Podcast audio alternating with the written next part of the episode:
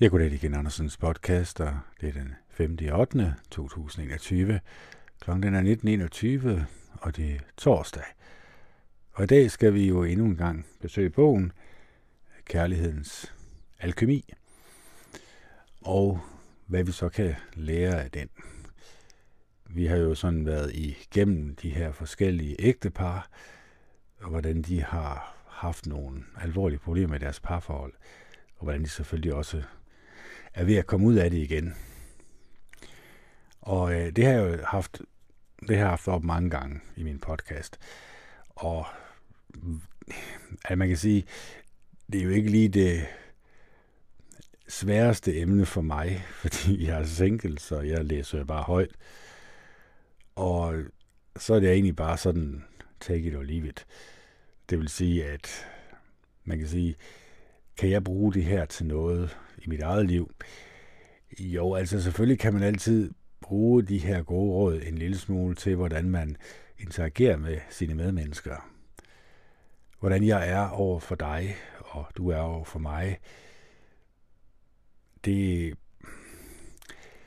man kan sige, den måde jeg altid ønsker, at andre mennesker skal opfatte mig, det er jo mange gange en poleret form for virkelighed. Forstået på den måde, at de mennesker, man møder, det her førstehånds indtryk, hedder det førstehånds? Ja, det må det være. Førstehånds. Første gangs indtryk, tror jeg, det hedder. Det er meget, meget vigtigt. Altså, jeg kan jo godt øh, snuble over ordene. Jeg kan godt sådan være lidt akavet, når jeg møder nye mennesker. Men det tror jeg, vi alle sammen har. Vi har en eller anden fornemmelse af, at andre mennesker tænker om os på en bestemt måde. Og jeg kan jo overhovedet ikke, og har ikke nogen mulighed for at vide, hvad andre mennesker tænker om mig. Det er en af de ting, som ja, er nok den sværeste form for disciplin, er at være tankelæser. Man kan sige, at jo, jeg er udmærket godt klar over, at øh, når jeg øh, bliver spurgt, om jeg er vaccineret, jamen så ved jeg jo udmærket godt, øh, hvordan øh, samtalen den vil flyde, hvilken vej samtalen den vil tage. Jeg er også udmærket godt klar over, at jeg i den samtale vil blive kaldt usympatisk, fordi det har samfundet jo lært, at det skal man kalde mig. Øhm, så jeg er udmærket godt klar over, det enorme pres, der ligger på rigtig mange mennesker, som egentlig bare gerne vil have deres frihed tilbage til dem selv. Friheden til selv at vælge over deres egen krop, og hvad de putter ind i kroppen. Fordi den er jo på en eller anden måde forsvundet. Det burde jo egentlig være mellem dig og din læge, og ikke andre mennesker. Det rager egentlig ikke andre mennesker. Det rager egentlig ikke mig, hvad du vælger at gøre i den her verden, vi nu lever i. Men det er ligesom om, at mennesker er blevet vant til, at det, der kommer ud af skærmen, det er den skinbarlige sandhed. Det er ikke noget, vi skal stille spørgsmålstegn ved overhovedet. Vi skal sådan set bare følge trop. Vi skal sådan set bare stole på alt det, der kommer ud gennem skærmen. Vi skal ikke være kritiske mennesker, som bruger kritisk sans over for de ting, som vi bliver præsenteret for. Men øh, for 7-8 år siden, der gik det op for mig, hvor meget jeg egentlig havde blevet påvirket negativt af det, der kom ud af gennem skærmen. Og der sagde jeg godt og grundigt nej tak til det. jeg holdt en følelsesmæssig afstand til det, fordi jeg vidste udmærket godt, hvor det kommer fra. Altså alle de ting, vi beskæftiger os med. Voldelige computerspil, voldelige film, film som portrætterer menneskers dårlige egenskaber som noget, vi kan lade os underholde med, øh, samt de asociale medier, Facebook, Twitter, Instagram og nogle den skrald, samt the mainstream media, altså medierne, som konstant fodrer jer det samme. Altså, det er de samme ting, de taler om over hele jorden. Derfor når der bliver talt om et pas, og det bliver talt om over hele jorden, ja, så er det jo nok, fordi det kommer et centralt sted fra. Det bliver styret et centralt sted fra. Og øh, da jeg begyndte at forklare det for 7-8 år siden, der var der ikke rigtig nogen, der gad at høre på det. Og det er der jo nok desværre heller ikke rigtigt i dag. Vi mennesker, vi har vi er blevet vant til, at jamen, det er egentlig skærmen, vi får vores virkelighedsfornemmelse fra. Det er den, der fortæller os, hvad der er virkelig, hvad der er rigtigt, hvad der er forkert. Vi har egentlig udskiftet vores medmenneskelighed med et form for venskab med Google, eller med skærmen, eller med computerspil, eller med mennesker, som vi kan tale med over nettet, men som vi i virkeligheden ikke har en øh, fysisk forbindelse til. Altså hvis jeg sidder over for dig, og vi taler sammen direkte til hinanden, så er det en helt, helt anderledes oplevelse, end bare dig, der sidder og lytter nu. Eller at vi sidder og taler over Skype, eller hvad det nu kan være. Og øh, det er jo den her disconnect, vi har set, øh, især i de sidste halvandet år, men selvfølgelig også de sidste 7-8 år, og jeg må nok også desværre indrømme, siden jeg var barn. Altså, jeg kan jo se det nu, i bagklogskabens kloge lys, eller hvad vi kalder det, at den her måde, hvor vi som mennesker er blevet mere og mere forbrugere af, ja, hvad er det egentlig, vi er blevet forbrugere af? Det er jo egentlig en skærm. Det er jo egentlig noget, som vi kan underholde os med.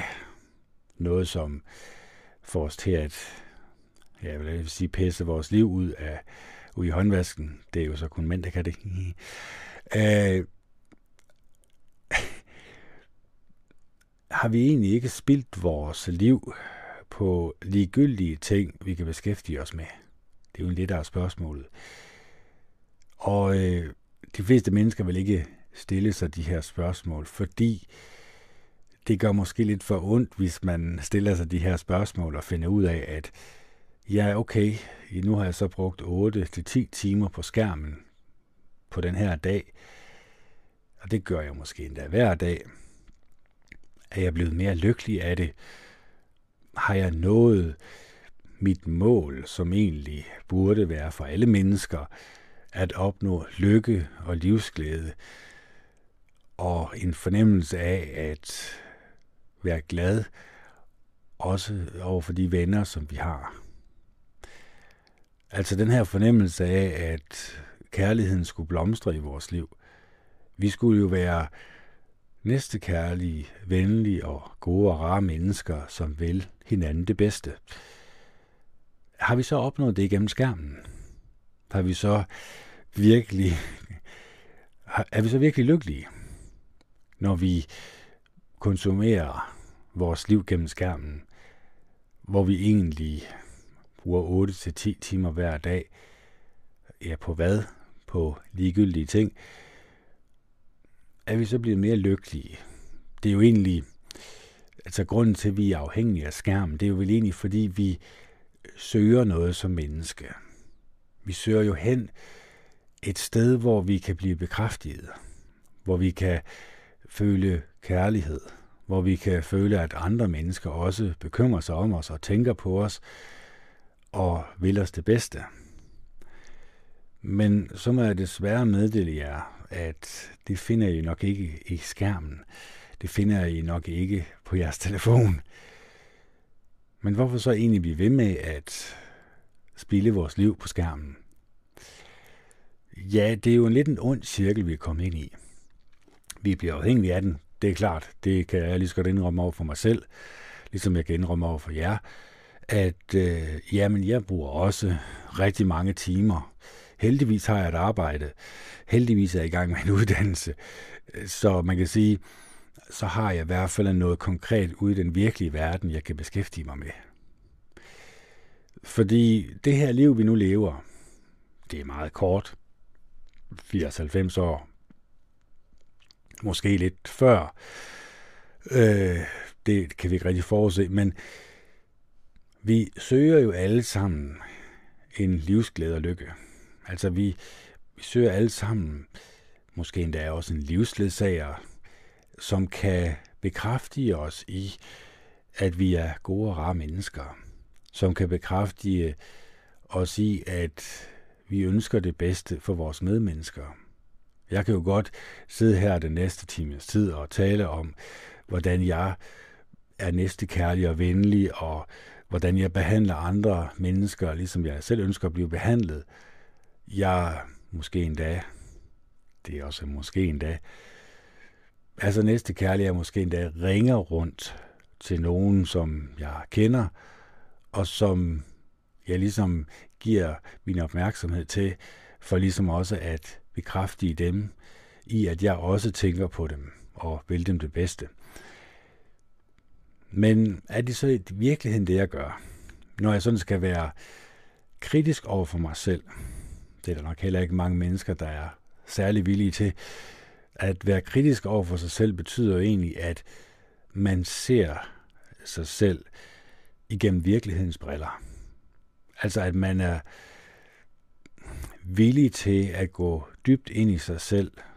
Nu anbefaler jeg selvfølgelig altid meditation, hvor vi kommer ind og får rørt ved nogle ting inde i os selv, som egentlig kunne forbedre vores livskvalitet, som egentlig kunne få os på en eller anden måde tættere på vores medmenneskelighed.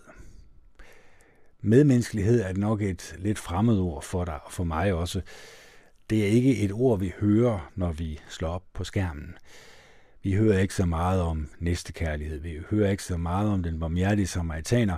Vi hører sådan set ikke rigtig så meget om de positive menneskelige egenskaber. Fordi hvis nu skærmen gerne vil gøre dig til et næste kærligt og et venligt menneske, et lykkeligt menneske, et menneske, som når det går ud i den virkelige verden, møder andre mennesker med et åbent sind, ja, så vil det jo nok være de positive menneskelige egenskaber, som skærmen vil have, at du skal beskæftige dig med. Men igen, når vi ser kritisk på os selv, men også på, og især på det, vi beskæftiger os med, hvad der kommer ind gennem øjnene og ørerne, ja, så kan vi måske godt se et mønster, når vi siger, at det måske ikke lige er så opbyggende, det vi beskæftiger os med. Måske er der en tendens til, at vi ser på noget vold, som vi lader os underholde med.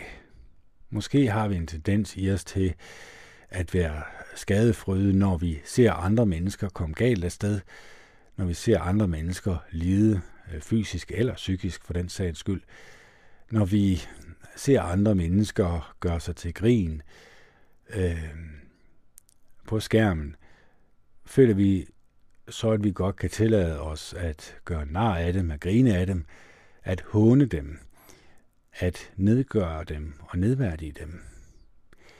Fordi det vil jo uvilkårligt smitte af på, hvem vi er som menneske, eller hvem vi tillader os at være.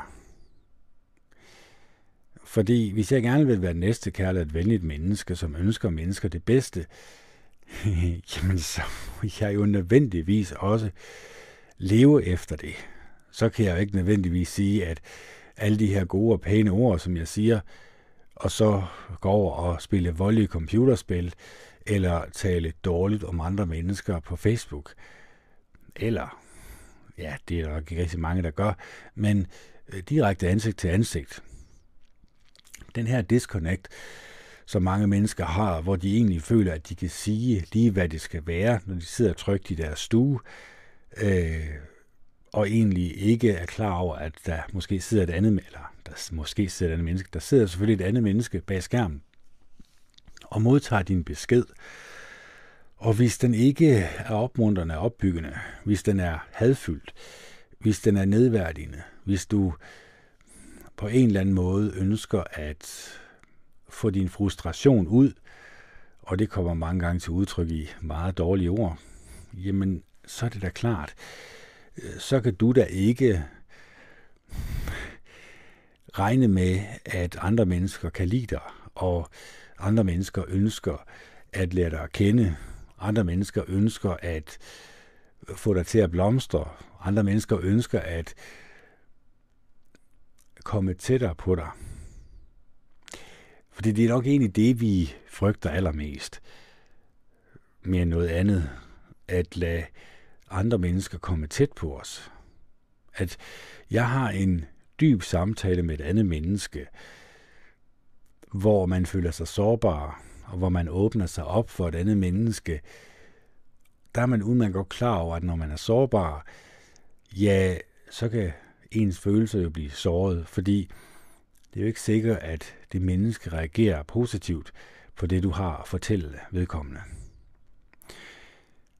Og øh, de her dybere samtaler, som egentlig kunne berige os, som egentlig kunne opløfte os og få os til at føle os lykkelige og glade, dem er der meget få mennesker, der egentlig har.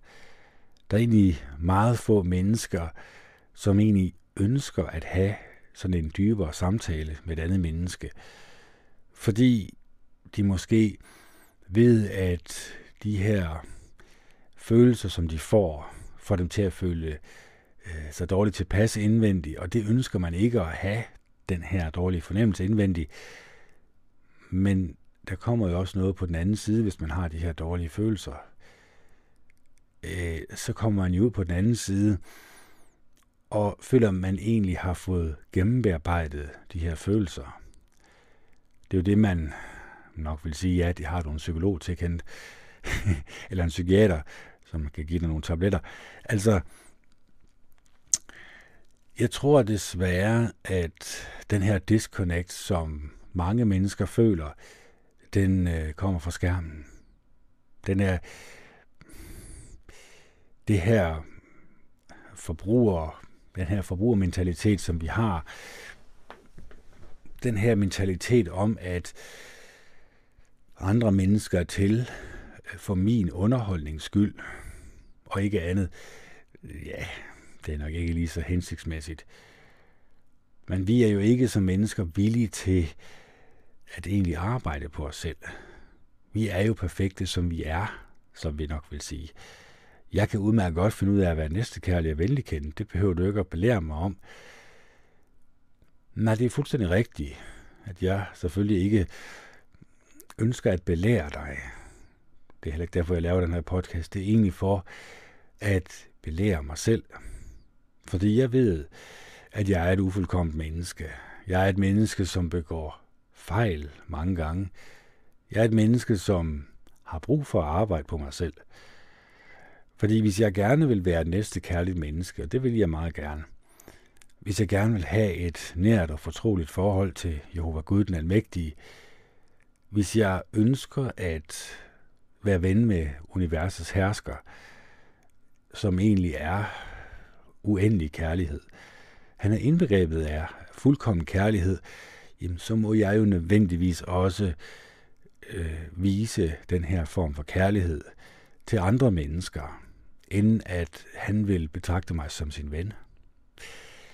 Så øh, det er også utrolig vigtigt, at for at vi kan have den her følelse af samhørighed, den her følelse af at være eller have en forbindelse til hinanden, den kommer af vores forbindelse til Jehova Gud den Almægtige. Og ja, jeg ved godt, at mange mennesker vil ryste på hovedet af det, det her religion. Hvad er nu det for noget?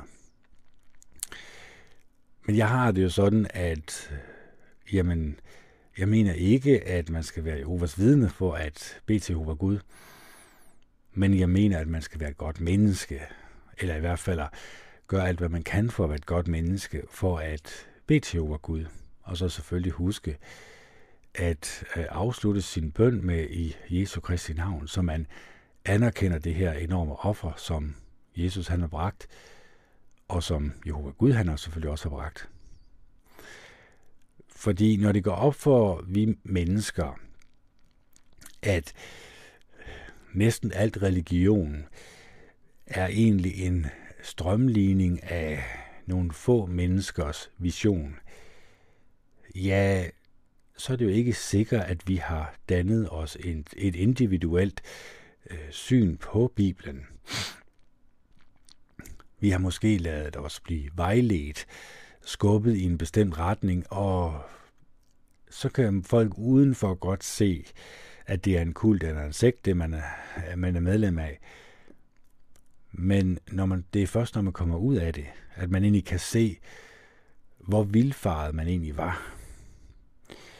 Fordi det handler i bund og grund om, at når vi læser Bibelen, for eksempel den barmhjertige samaritaner, så i stedet for at overfortolke, så kunne vi egentlig bare tænke os lidt om. Lad det synke dybt ned i vores hjerter, at vi skal, ikke kun skal, men vi skal føle os tilskyndet til at være ligesom den barmhjertige samaritaner. Fordi den barmhjertige samaritaner var jo en, som fik inderligt ondt af det her menneske, som var faldet blandt røverne og som var efterladt som halvdød i grøften. Vi skulle ikke være som andre mennesker, som bare gik forbi på den anden side af vejen, og som måske endda fik eller følte sig følte vemmelse over for manden. Og det er jo nogle dybe spørgsmål, vi skal stille os her. Føler vi vemmelse ved et andet menneske, som lider nød? Nej, selvfølgelig gør vi ikke det. Det er der, der ingen, der vil sige ja til. Det er jo klart. Fordi vi vil alle sammen gerne hen et sted, hvor vi i hvert fald føler, at vi i hvert fald har svaret rigtigt. Men det kan godt være, at vi svarer rigtigt. Det gør vi jo nok alle sammen, mere eller mindre. Vi ved godt, hvad vi skal svare, når vi bliver spurgt om, øh, er du det næste kærligt menneske? Men det menneske, vi er i virkeligheden, altså vores gerninger, det er jo egentlig det, der bestemmer, om vi er et næste kærligt menneske. Altså, jeg kunne godt teoretisk sige, at jeg var en smed, altså udlært smed, men det passer jo ikke med den virkelige verden. Det er rigtigt, jeg er under uddannelse som smed, men jeg har ikke fået mit svendebrev endnu. Så øh, vi bliver nødt til at se nøgteren, eller se på vores situation med sandhedens briller. Og det er der nok ikke så mange mennesker, der er villige til at gøre. Fordi mennesker, som har vredesudbrud, mennesker, som taler dårligt om andre mennesker, mennesker, som taler nedværdigende om andre mennesker, mennesker, som egentlig kun taler om det seksuelle og ikke så meget andet. Er de mennesker egentlig villige til at arbejde lidt dybere på, hvem de er som menneske? Hvor mange mennesker er egentlig villige til det? Ja, altså, jeg kan jo ikke svare for dig derude, men jeg kan kun svare for mig selv og sige, at det er selvfølgelig ikke nemt for mig. det, det, det ligger ikke naturligt til mig. Altså, jeg har jo gennem mange år bare levet mit liv, som jeg nu faldt, fandt for godt befindende. Jeg har jo ikke haft en eller anden form for rettesnor i mit liv. Men jeg kan godt se, at der har været meget gavnligt i Bibelen, som egentlig har skåret igennem på en måde, så man godt kan forstå, ja, hvis man følger det her råd, så vil det måske gavne ens liv. Det vil egentlig sørge for, at mange ting, som man bliver konfronteret med, er meget lettere. Jeg har jo talt meget om ordsprogenes bog. Og hvis man tager ordsprogenes bog,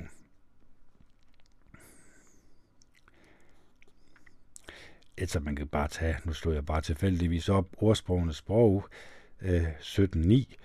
Øh, den, der tilgiver et fejltrin, søger kærlighed, men den, der bliver ved med at snakke om en sag, skiller nære venner. Er det rigtigt? Altså, hvis der er en sag, som du ved godt, din ven ikke er så glad for at tale om, I måske har talt om det før, hvis du så bliver ved med at bringe det op,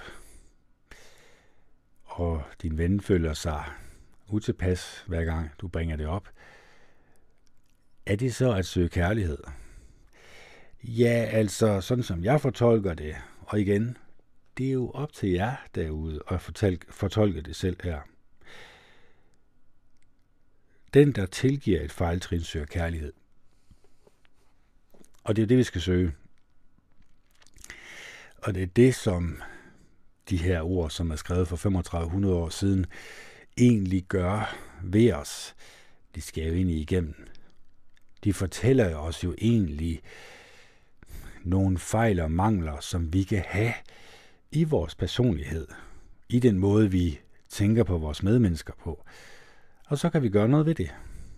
Altså, nu har jeg jo mulighed for at bruge det her ordsprog i mit eget liv. Tænke mig om, inden jeg taler, og sige til mig selv, det her, jeg nu lige skal til at tale om, er det noget, som vedkommende, som jeg taler med, ikke bryder sig om, jeg hele tiden bliver ved med at bringe op? Hvis svaret er, det skal du lade være med, Kenneth, jamen så er det mest næste kærlige at lægge låg på det her, og ikke tale om det længere. Så øh, det er utrolig vigtigt, at vi viser tilgivelse. Og det øh, kan jo godt være nemt, hvis det er små forteelser. Men hvis det er grove ting, vi er blevet udsat for, hvis det er vold inden for familien, hvis man har i sin barndom og ungdom oplevet nogle voldsomme ting, så er det straks sværere, fordi det ligger dybt i os. Det er nogle dybere liggende følelser, som er meget svært at få bearbejdet, og især at få tilgivet. Fordi tilgivelse søger kærlighed, som der står. Så hvis jeg skal komme tættere på kærligheden, som er indbegrebet af Jehova Gud, så må jeg for alt i verden tilgive. Og det hedder jo også tilgive og glemme, ligge bag sig, ikke tænke på længere, og ikke bringe op længere. Så bare det her lille ordsprog, og det findes der mange af, den, der isolerer sig, er kun optaget af sine egne ønsker. Han forkaster al praktisk visdom. Den kan I jo tænke lidt over. Den, der isolerer sig, er kun optaget af sine egne ønsker. Han forkaster al praktisk visdom. Fordi når jeg tænker på det, så tænker jeg jo egentlig på, øh, det gør en lille smule ondt, fordi jeg er jo øh, single på 20 år. Jeg boede alene i 20, på 20 år. På 20 år, lød også, som jeg kun er 20.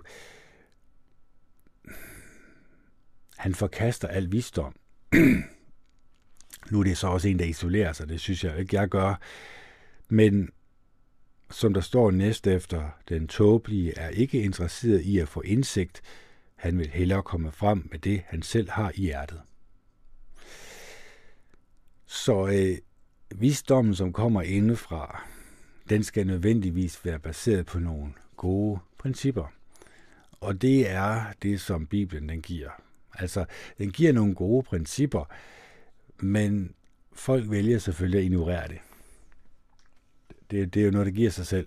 De bryder sig ikke om det her. Ligesom jeg bruger det her ordsprog på mig selv på en måde, som egentlig får mig til at tænke jeg vil ikke sige dårligt om mig selv, eller min situation, eller mit liv, men i hvert fald få mig til at overveje nogle ting i mit liv, som jeg måske kunne ændre ved, som kunne forbedre mit liv. Men fordi jeg bremser mig selv og siger, det er ubehageligt at gå ind i den diskussion med mig selv, så holder jeg mig fra det. Og det er der rigtig mange mennesker, der gør. Altså, der er utrolig stor visdom i Bibelen. Det er der ingen tvivl om. Hele vores samfund, mere eller mindre, op indtil nu, egentlig blevet bragt i orden ved hjælp af Bibelen. Fordi mange af de principper er i vores lovgivning. Der er faktisk en lov, som man kalder den barmhjertige samaritaner, som egentlig handler om, at det egentlig er ulovligt, hvis du kører forbi et ulykkessted, og du ikke holder op eller stopper op og hjælper. Det kan man blive straffet for. Men det er jo egentlig ikke så meget den her straf, det drejer sig om, som princippet om, at man har medfølelse med sine medmennesker. Og det kan man jo gå ligesom og spekulere lidt på og tænke på til hverdag. Hvordan tænker jeg om ikke kun mig selv, men også andre mennesker, når jeg møder dem, og når jeg taler med dem, er jeg så åben over for dem? Er jeg så åben over for at lytte opmærksom til, hvad de siger, og gøre en aktiv indsats for, at de føler sig lyttet til.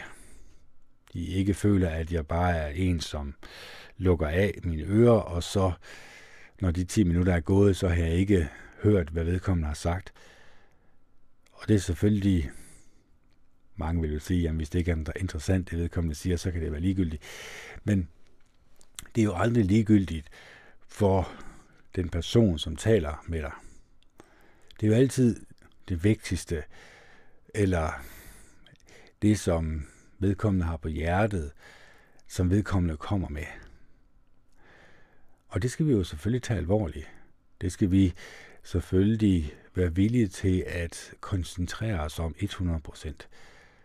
Og det har mange mennesker jo selvfølgelig også svært ved i dag.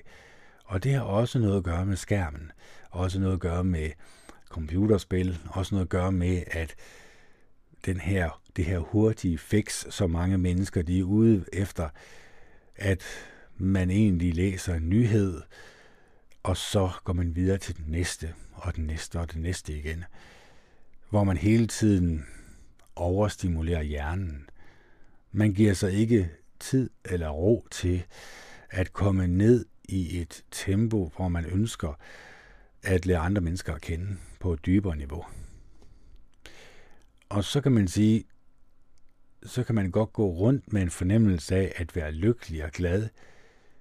Men så når man begynder at tænke sig lidt dybere om, så tænker man, eller i hvert fald så får man nogle negative tanker om sig selv og andre.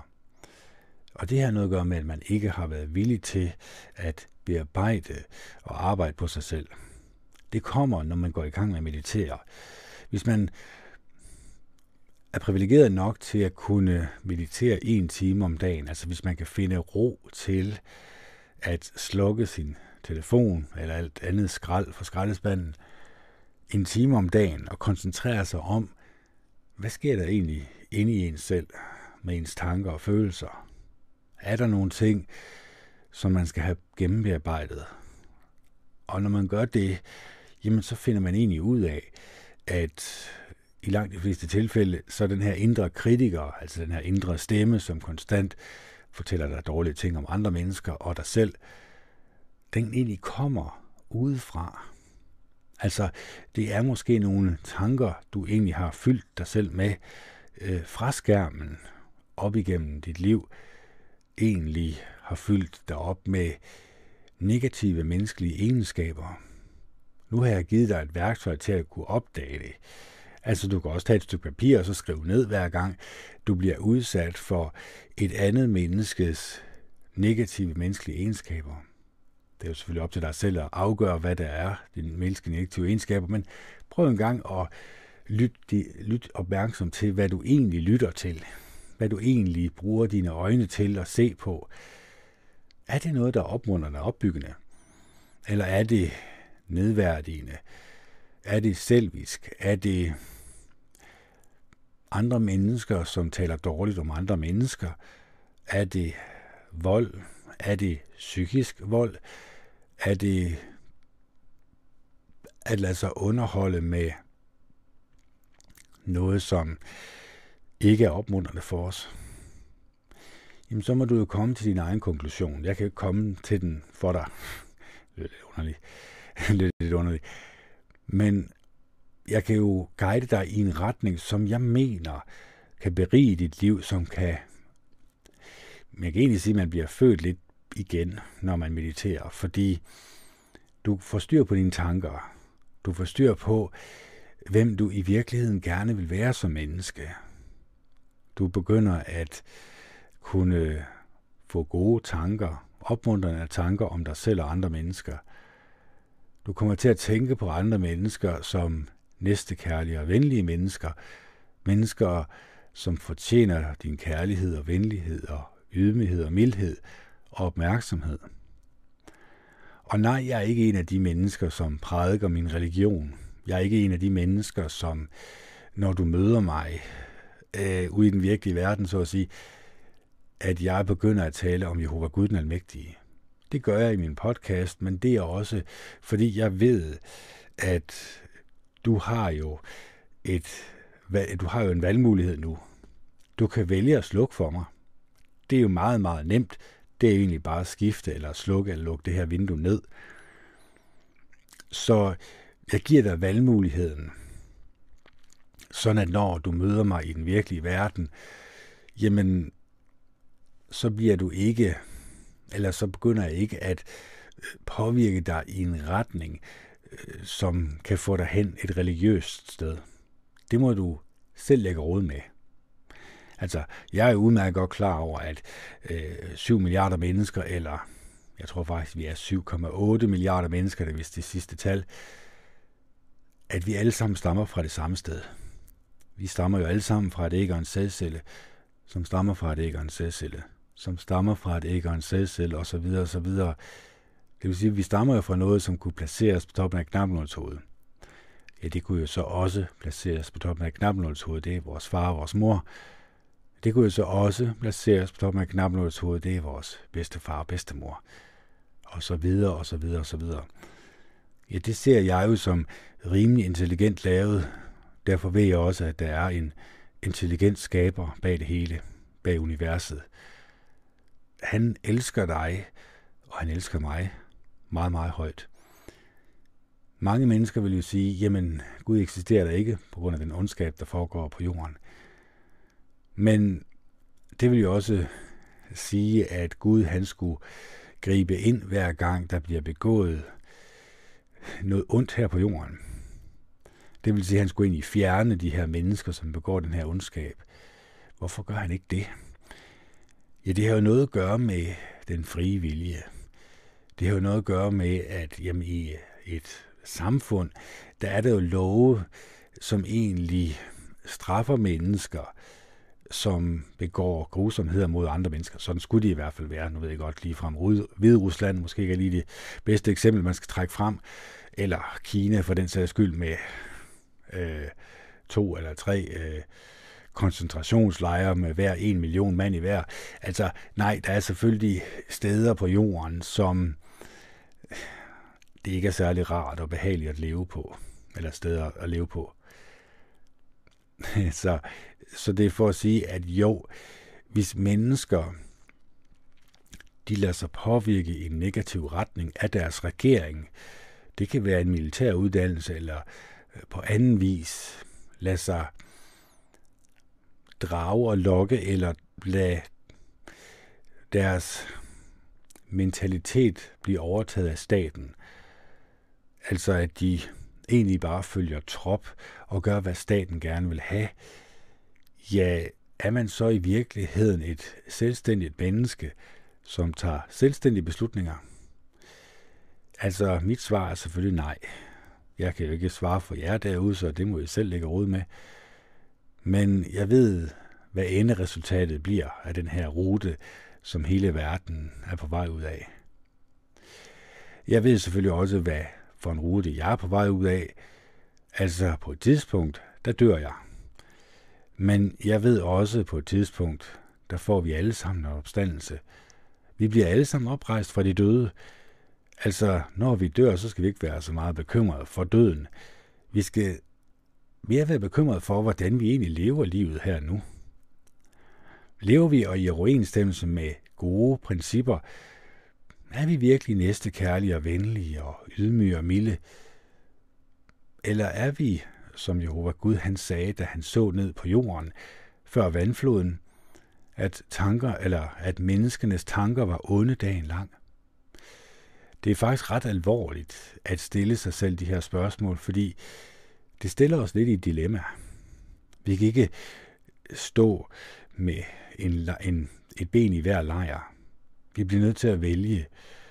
Vil vi fortsætte med at beskæftige os med negative menneskelige egenskaber, ting fra skraldespanden, eller vil vi sige nej tak til det, fuldstændig total, rive plasteret af, så at sige, og begynde at beskæftige os med gode og positive mennesker, som vil os det bedste.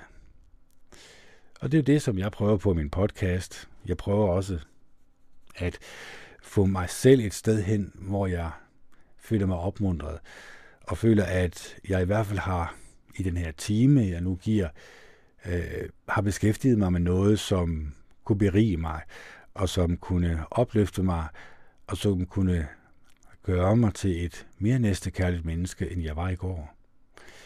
Fordi det er jo en, det er jo en kamp, det her. Altså, når hele verden ligger i den onde magt, som Bibelen siger, jamen det vil også sige, at alle mennesker på en eller anden måde, hvis de ikke siger nej tak til skraldespanden, egentlig er under indflydelse af skraldespanden og af det menneske, undskyld, det er en usynlig åndeskabning, som står bag skraldespanden. Fordi det er egentlig, altså jeg prøver at skære lidt igennem, ligesom Bibelen gør. Jeg prøver egentlig at sige, jamen, hvis vi beskæftiger os med negative menneskelige egenskaber, og det er egentlig noget, vi lader os konsumere af, vi lader os egentlig også på en måde hærde af det. Det skal, mere, det skal være mere og mere voldeligt, det skal være mere og mere bestialsk. Øh, practical jokes, det skal være mere og mere sådan, at det går ud over andre mennesker i en sådan grad, at man mister sin medmenneskelighed.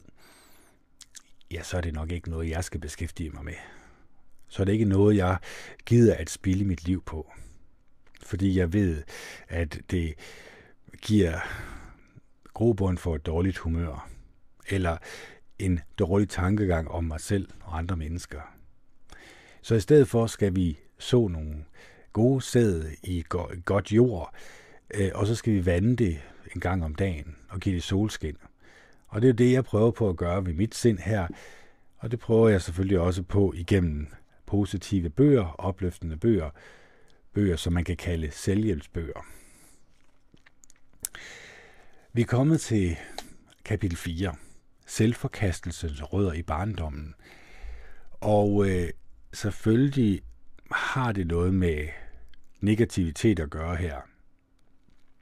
Men det skulle gerne belyse et problem, som er i os alle sammen, hvor vi går ind i os selv og finder ud af, jamen her er det her, som egentlig går og nærer mig.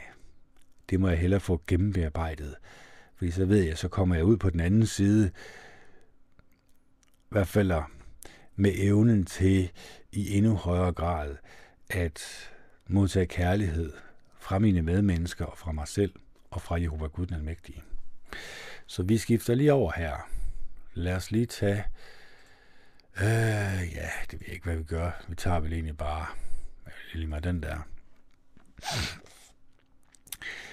Selvforkastelsen rødder i barndommen. Jeg tror ikke, at jeg fortjente de gode ting i livet. Jeg føler det, som om jeg ikke dur.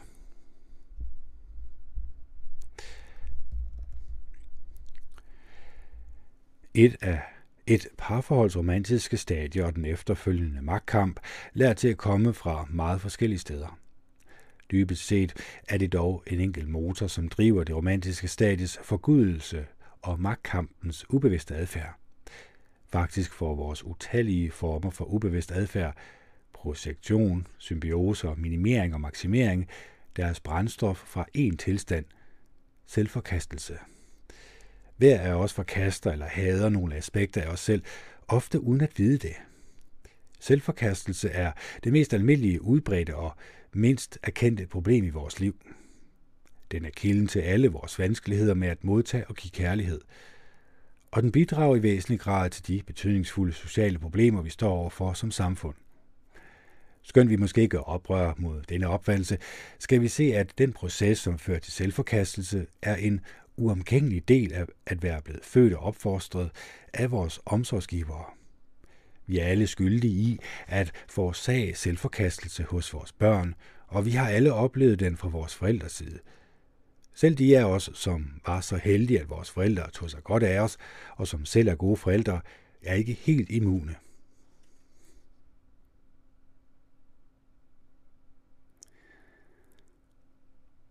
Spørgsmålet er ikke, om selvforkastelse er en faktor i vores liv. Det er i hvilken grad den er en faktor. Og hvordan vi kan erkende den og behandle den. I dette kapitel skal vi tale om, hvor selvforkastelse kommer fra, og hvordan denne, eller, og hvordan denne den mest private af alle skader, ender med at styre samkvemmet i vores nære parforhold.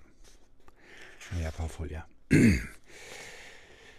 Nutiden er et vindue til fortiden.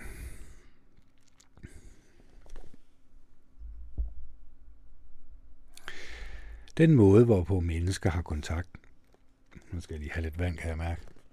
Eller lidt solvand, det er lige meget.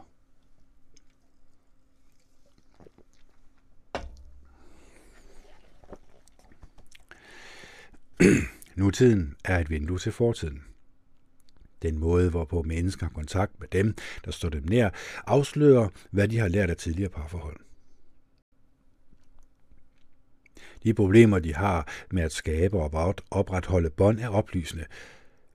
På det enkelte plan viser disse problemer, om de har lært, at parforhold er trygge, og at man kan stole på mennesker, eller at det er at stå andre nær er farligt. Og at det er sandsynligt, at mennesker ender med at gøre en fortræd. Kampene, tilbagetrækningerne og de sårede følelser er faktisk fingerpeg om begge partners psykologiske historie.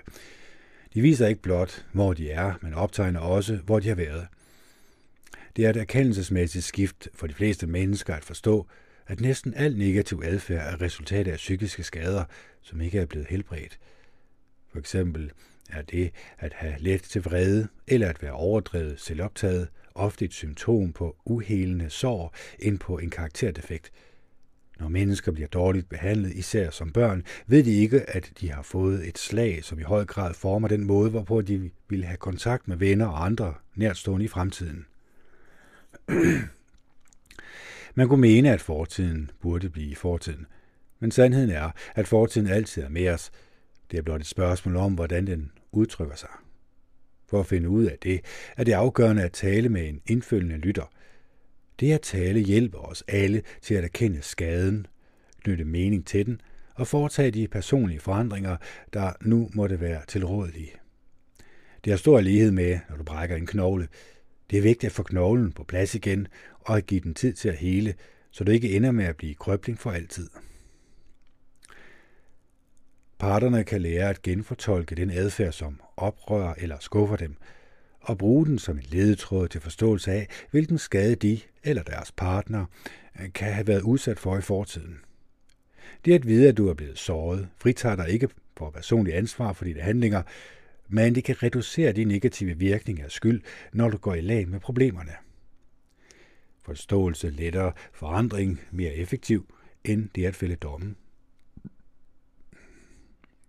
ved at nærme dig af din partner, eller dig selv som en, der gennem erfaring har lært at reagere på bestemte måder i forsøg på at overleve, får du og enhver mulighed for at være mere nærsom eller nænsom end barsk. Venlighed er en passende praktisk, når alle bærer på byrden af tidligere psykiske skader. Spaltning. Opgaven med at identificere vores skader, så vi kan gå i lag med dem, gør os vanskeligere, fordi vi ikke altid kan se, hvor vi er blevet skadet, og som regel heller ikke ved, hvor vores partner er blevet skadet. Vi tror, at vi forstår vores partner og os selv bedre, end vi faktisk gør. Vi kommer med erkendelser og bruser ud med sandheder om hinanden på grundlag af vores egne misforståelser og ubevidste antagelser. Vi ved ikke, at det er de træk, kvaliteter og egenskaber, som er skjult for os, der er de vigtigste til forståelse af personlighedens mysterium. Spaltning fører til selvforkastelse, hver enkelt af os kommer til verden som hel og i stand til at modtage kærlighed og næring fra vores forældre, lige så naturligt som vi ånder.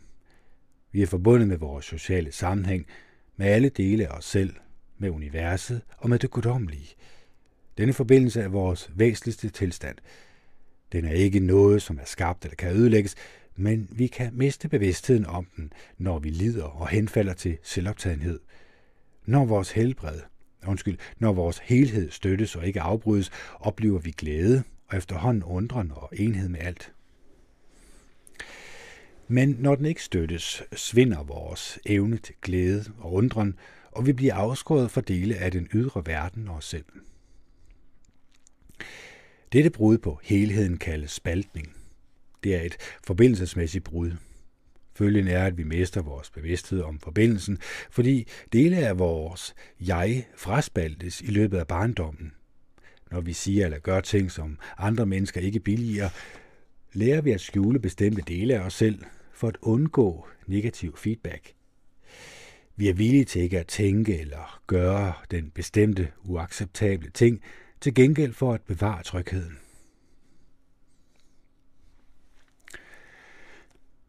Uheldigvis får et barn ofte oplevelsen af at blive såret, når den ene eller begge forældre ikke støtter dets normale udviklingsmæssige behov og tilskyndelser. Når vi taler om behov, hvad taler vi så om? Et vigtigt eksempel vil være behovet for at forblive forbundet med eller knyttet til omsorgsgiveren. Udover alle de tilskyndelser, som et barn må følge for at opretholde denne tilknytning, har barnet også tilskyndelser i retning af at udforske, at skabe en identitet og at blive dygtig i verden. Når disse behov og tilskyndelser udvikler sig, kan vores omsorgsgiver støtte dem, eller ikke støtte dem, helt eller delvis. Hvis behovet tilfredsstilles, forældrene tager sig af det, støtter det og hjælper barnet til at lykkes med at integrere det, så vil det blive en naturlig og gavnlig del af barnets jeg. Hvis behovet ikke tilfredsstilles, vil barnets frustration føre til lidelse. Hos mennesker, indbefattet børn, fortolker vores primitive eller gamle hjerne denne lidelse som et tegn på fare. Oplevelsen af fare fremkalder frygt, og frygt resulterer i modstand mod det, der opfattes som farligt. Når man har at gøre med modstand, har man at gøre med nogle belastende dele af et menneskes forsøg på at forblive i live frem for at den gamle hjerne siger, den måde, hvorpå mine forældre varetog mine behov, var farlig, siger den, mine behov er farlige. Jeg må ikke have dette behov, og jeg må ikke fortælle nogen om det, ellers dør jeg. Mine forældre vil slå mig ihjel. Der er nærmest hjertestansen angst for, at man vil blive alvorligt straffet for at ønske det, man ønsker. Det er nemmere at give sig selv mundkur på, end at risikere, at de mennesker, som skulle elske en, afslører, ydmyger og dræber en. På denne måde fortrænger barnets dele af sig selv, som det derfor mister til det ubevidste. Måske kan vi forestille os det som noget, der ligner den måde, hvorpå menneskehjernen udvikler sig fra spædbarnsalderen. Spædbarnet fødes med mange flere millioner neuroner, end det kan bruge. Gradvist mister det de hjerneforbindelser, som det ikke behøver, og begynder at styrke dem, øh, som vil hjælpe det til at overleve og trives i dets særlige miljø. I en parallel en parallel proces, lærer spædbarnet snart, hvilke af dets handlinger, der modtages med smil, og hvilke der fremkalder panderynken eller ligeledes skræmmende ligegyldighed. Det er bedre at holde op med at gøre det, det gør, end at risikere disse negative reaktioner. Forskellen mellem analogierne er, at spædbarnet bliver stærkere ved at miste sine overskydende hjerneceller, men bliver svagere ved at miste karaktertræk, talenter, tilskyndelser og evner som hvis det havde beholdt dem, ville have gjort det til et mere helt stærkere menneske. Men loven om overlevelse siger, at når vores forældre misbilliger noget, lærer vi at misbillige det. Den del af os, som de ikke kan lide, bliver farlig for os, fordi de måske forlader os, og det føles som døden. Vi sælger med tab den del for at beholde deres kærlighed. I løbet af opvæksten foretager vi alle en række små og næsten altid ubevidste ofre for at holde os i live. Som følge deraf kommer ikke alle vores medfødte karaktertræk, tendenser og talenter med ind i voksenalderen sammen med os. Dele af os selv bliver efterladt på vejen til modenhed, og tilbage bliver en glædesløs og tomhed, som vi prøver på at fylde med ting, som muligvis har eller muligvis kan give os, hvad vi leder efter. Konsekvenserne af det spaltede jeg er personligt og socialt katastrofalt for mange mennesker. I det alvorlige tilfælde kan der ske dette. Barnet har et ønske. Forældrene siger praktisk talt, du vil altid have ting. Du vil have for meget. Barnet lærer, at det er farligt at ønske. Hendes livsglæde forsvinder. Der opstår et hul, hvor hendes glæde og, livs, eller, og livlighed plejede at være. Alt hvad hun ved er, at det er bydende nødvendigt at bevare bevågenheden hos dem, der tager sig af hende uanset prisen. Hendes nysgerrighed forvandles til besættelse, glæde falmer til tristhed, og verden bliver en genstand, der skal undersøges og klassificeres frem for at deltages i og elskes. Hendes oprindelige glæde og undren er forsvundet. Hun lider af lav selvværd, som har en negativ indflydelse på hendes effektivitet på arbejdet og i forholdet til andet, eller, og i forhold til andre. Hun længes efter at føle sig elsket.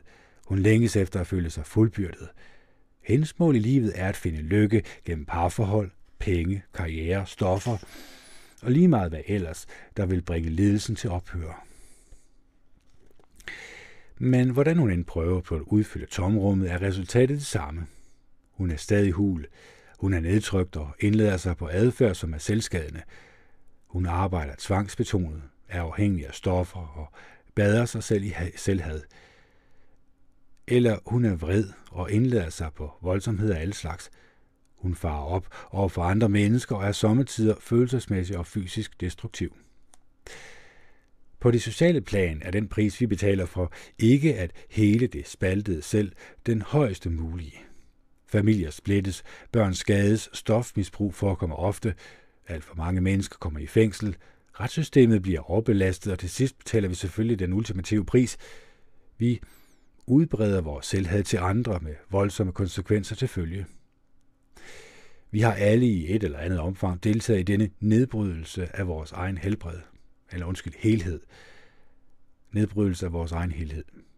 På samme måde som ingen kommer levende ud af livet, når ingen helt er uplettet ind i voksenalderen.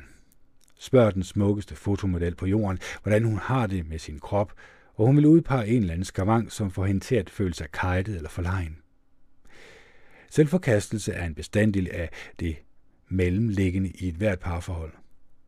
En hver mester deler sig selv med tiden. Graden af tab varierer hos de forskellige mennesker.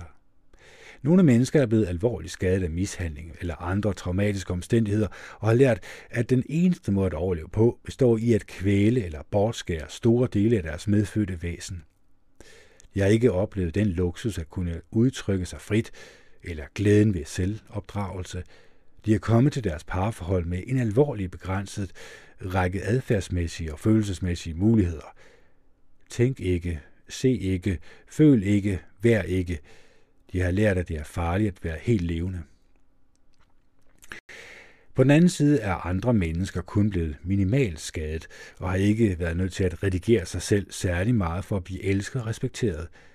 De er blevet anspurgt til at være sig selv og er blevet påskyndet som dem de er. De har fået lov til at udforske og skabe og opdage deres unikke melodier i verden – at være i et parforhold med sådan et heldigt menneske, som fungerer uden noget åbenbart selvhad og med en høj grad af selvaccept og selvtillid, er meget forskelligt fra at have en partner, som har fået den forestilling, at han eller hun ikke er værdig, værdifuld, betydningsfuld eller god. Det er også sjældent. Så kommer vi til ubevidst spaltning, men det er selvfølgelig til en anden podcast. Er der nogle ting her, hvor vi har den her selvforkastelse. At vi har spaltet vores jeg.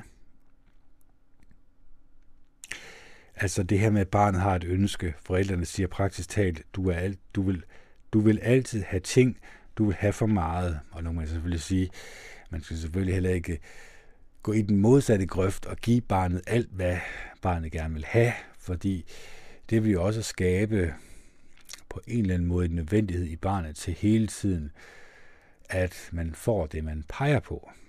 Så der skal selvfølgelig også findes en balance, og det står der jo også her, det er en overdrivelse, der ligesom fremmer forståelsen her, at den måde, vi er blevet opdraget på, jamen altså, den har jo uvilkårligt haft en meget stor betydning for, hvem vi er som menneske om vi har en form for selvforkastelse. Forkaster vi os selv, eller forkaster vi dele af os selv? Ja, det er jo lidt spørgsmålet.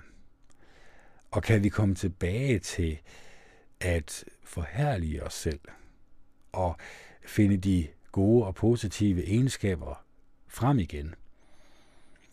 Kan vi få gennemarbejdet vores traumer, som vi nødvendigvis alle sammen har haft fra barndommen af. Det er ikke, det behøver ikke at være svære traumer, det kan også bare være, at vi har følt, at der måske er nogle ting, som vi har undertrykt, og som popper op til overfladen, som vi måske finder andre ting at fylde ud med.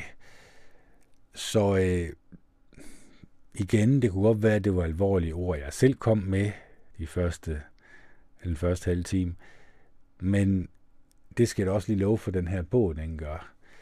Den går lidt i dybden med, hvem vi er som menneske. Den går lidt i dybden med, er der nogle ting her, som vi egentlig godt ved, vi skal have bearbejdet, men vi egentlig ikke ønsker at bearbejde. Vi har skubbet det til side, så at sige. Det er ikke for ikke at sige, at en psykolog eller psykiater kan være hjælpelig med det, eller behjælpelig med det, og belyse de her vanskeligheder og problemer. Men vi skal selvfølgelig også være klar over, at det ikke er det samme, som hvis du har en nær og fortrolig ven, du kan betro dig til. Nu kan man sige, nu betror jeg jo til jer, kan man sige.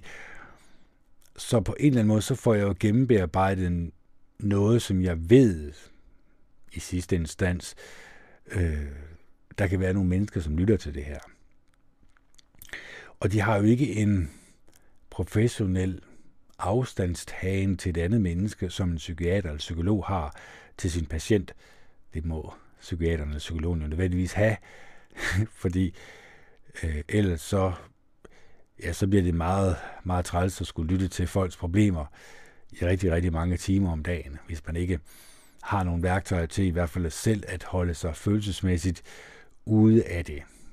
Og det kan også være, at en psykiater eller psykolog skal syge psykiater eller psykologhjælp for at få talt de her traumer, som vedkommende ikke skal tage på sig. Og det, det kan jeg også godt se, det kan også godt være lidt svært for en psykiater og en psykolog at holde den her følelsesmæssige afstand år ud og år ind. Det, det, det, det kan godt være, at man også skal have nogle værktøjer her for at få gennembearbejdet alle de her ting. Så derfor vil jeg varmt anbefale, hvis man har en god og nær ven, man stoler på, at man så sætter sig ned og får talt de her ting igennem. Men man kan selvfølgelig også vende om at sige, at din nære ven har jo også mulighed for at åbne sig op for dig og fortælle deres dybeste, inderste traumer fra barndommen, få dem ligesom ud i verden og få dem gennembearbejdet. Det vil jeg i hvert fald anbefale, at man gør. Så øh, jeg håber ikke, at min podcast gik alt for tæt på. Det ved jeg, at den gjorde, fordi det plejer den altid at gøre. Den, jeg plejer altid at kunne stille mig selv nogle meget alvorlige spørgsmål til mig selv, og uvilkårligt, så kommer jeg også til at stille dem til jer derude. Men jeg håber selvfølgelig også, at min podcast var opmuntrende. Jeg håber selvfølgelig også, at det er det at være et næstekærligt og et venligt menneske. Et menneske, som er fyldt af ydmyghed og mildhed, er villig til at arbejde på sig selv, villig til at kunne komme ud over de her traumer, som man har oplevet, komme over på den anden side og føle, at man er et elsket menneske, som fortjener ens egen og andre menneskers kærlighed og venlighed. Så håber jeg selvfølgelig også, at I elsker hinanden og er gode at ved hinanden. Så det her det er Ken Andersen, der signer off. Det er den 5. 8. 2021 kl. 20.25, og det er torsdag. Hej hej.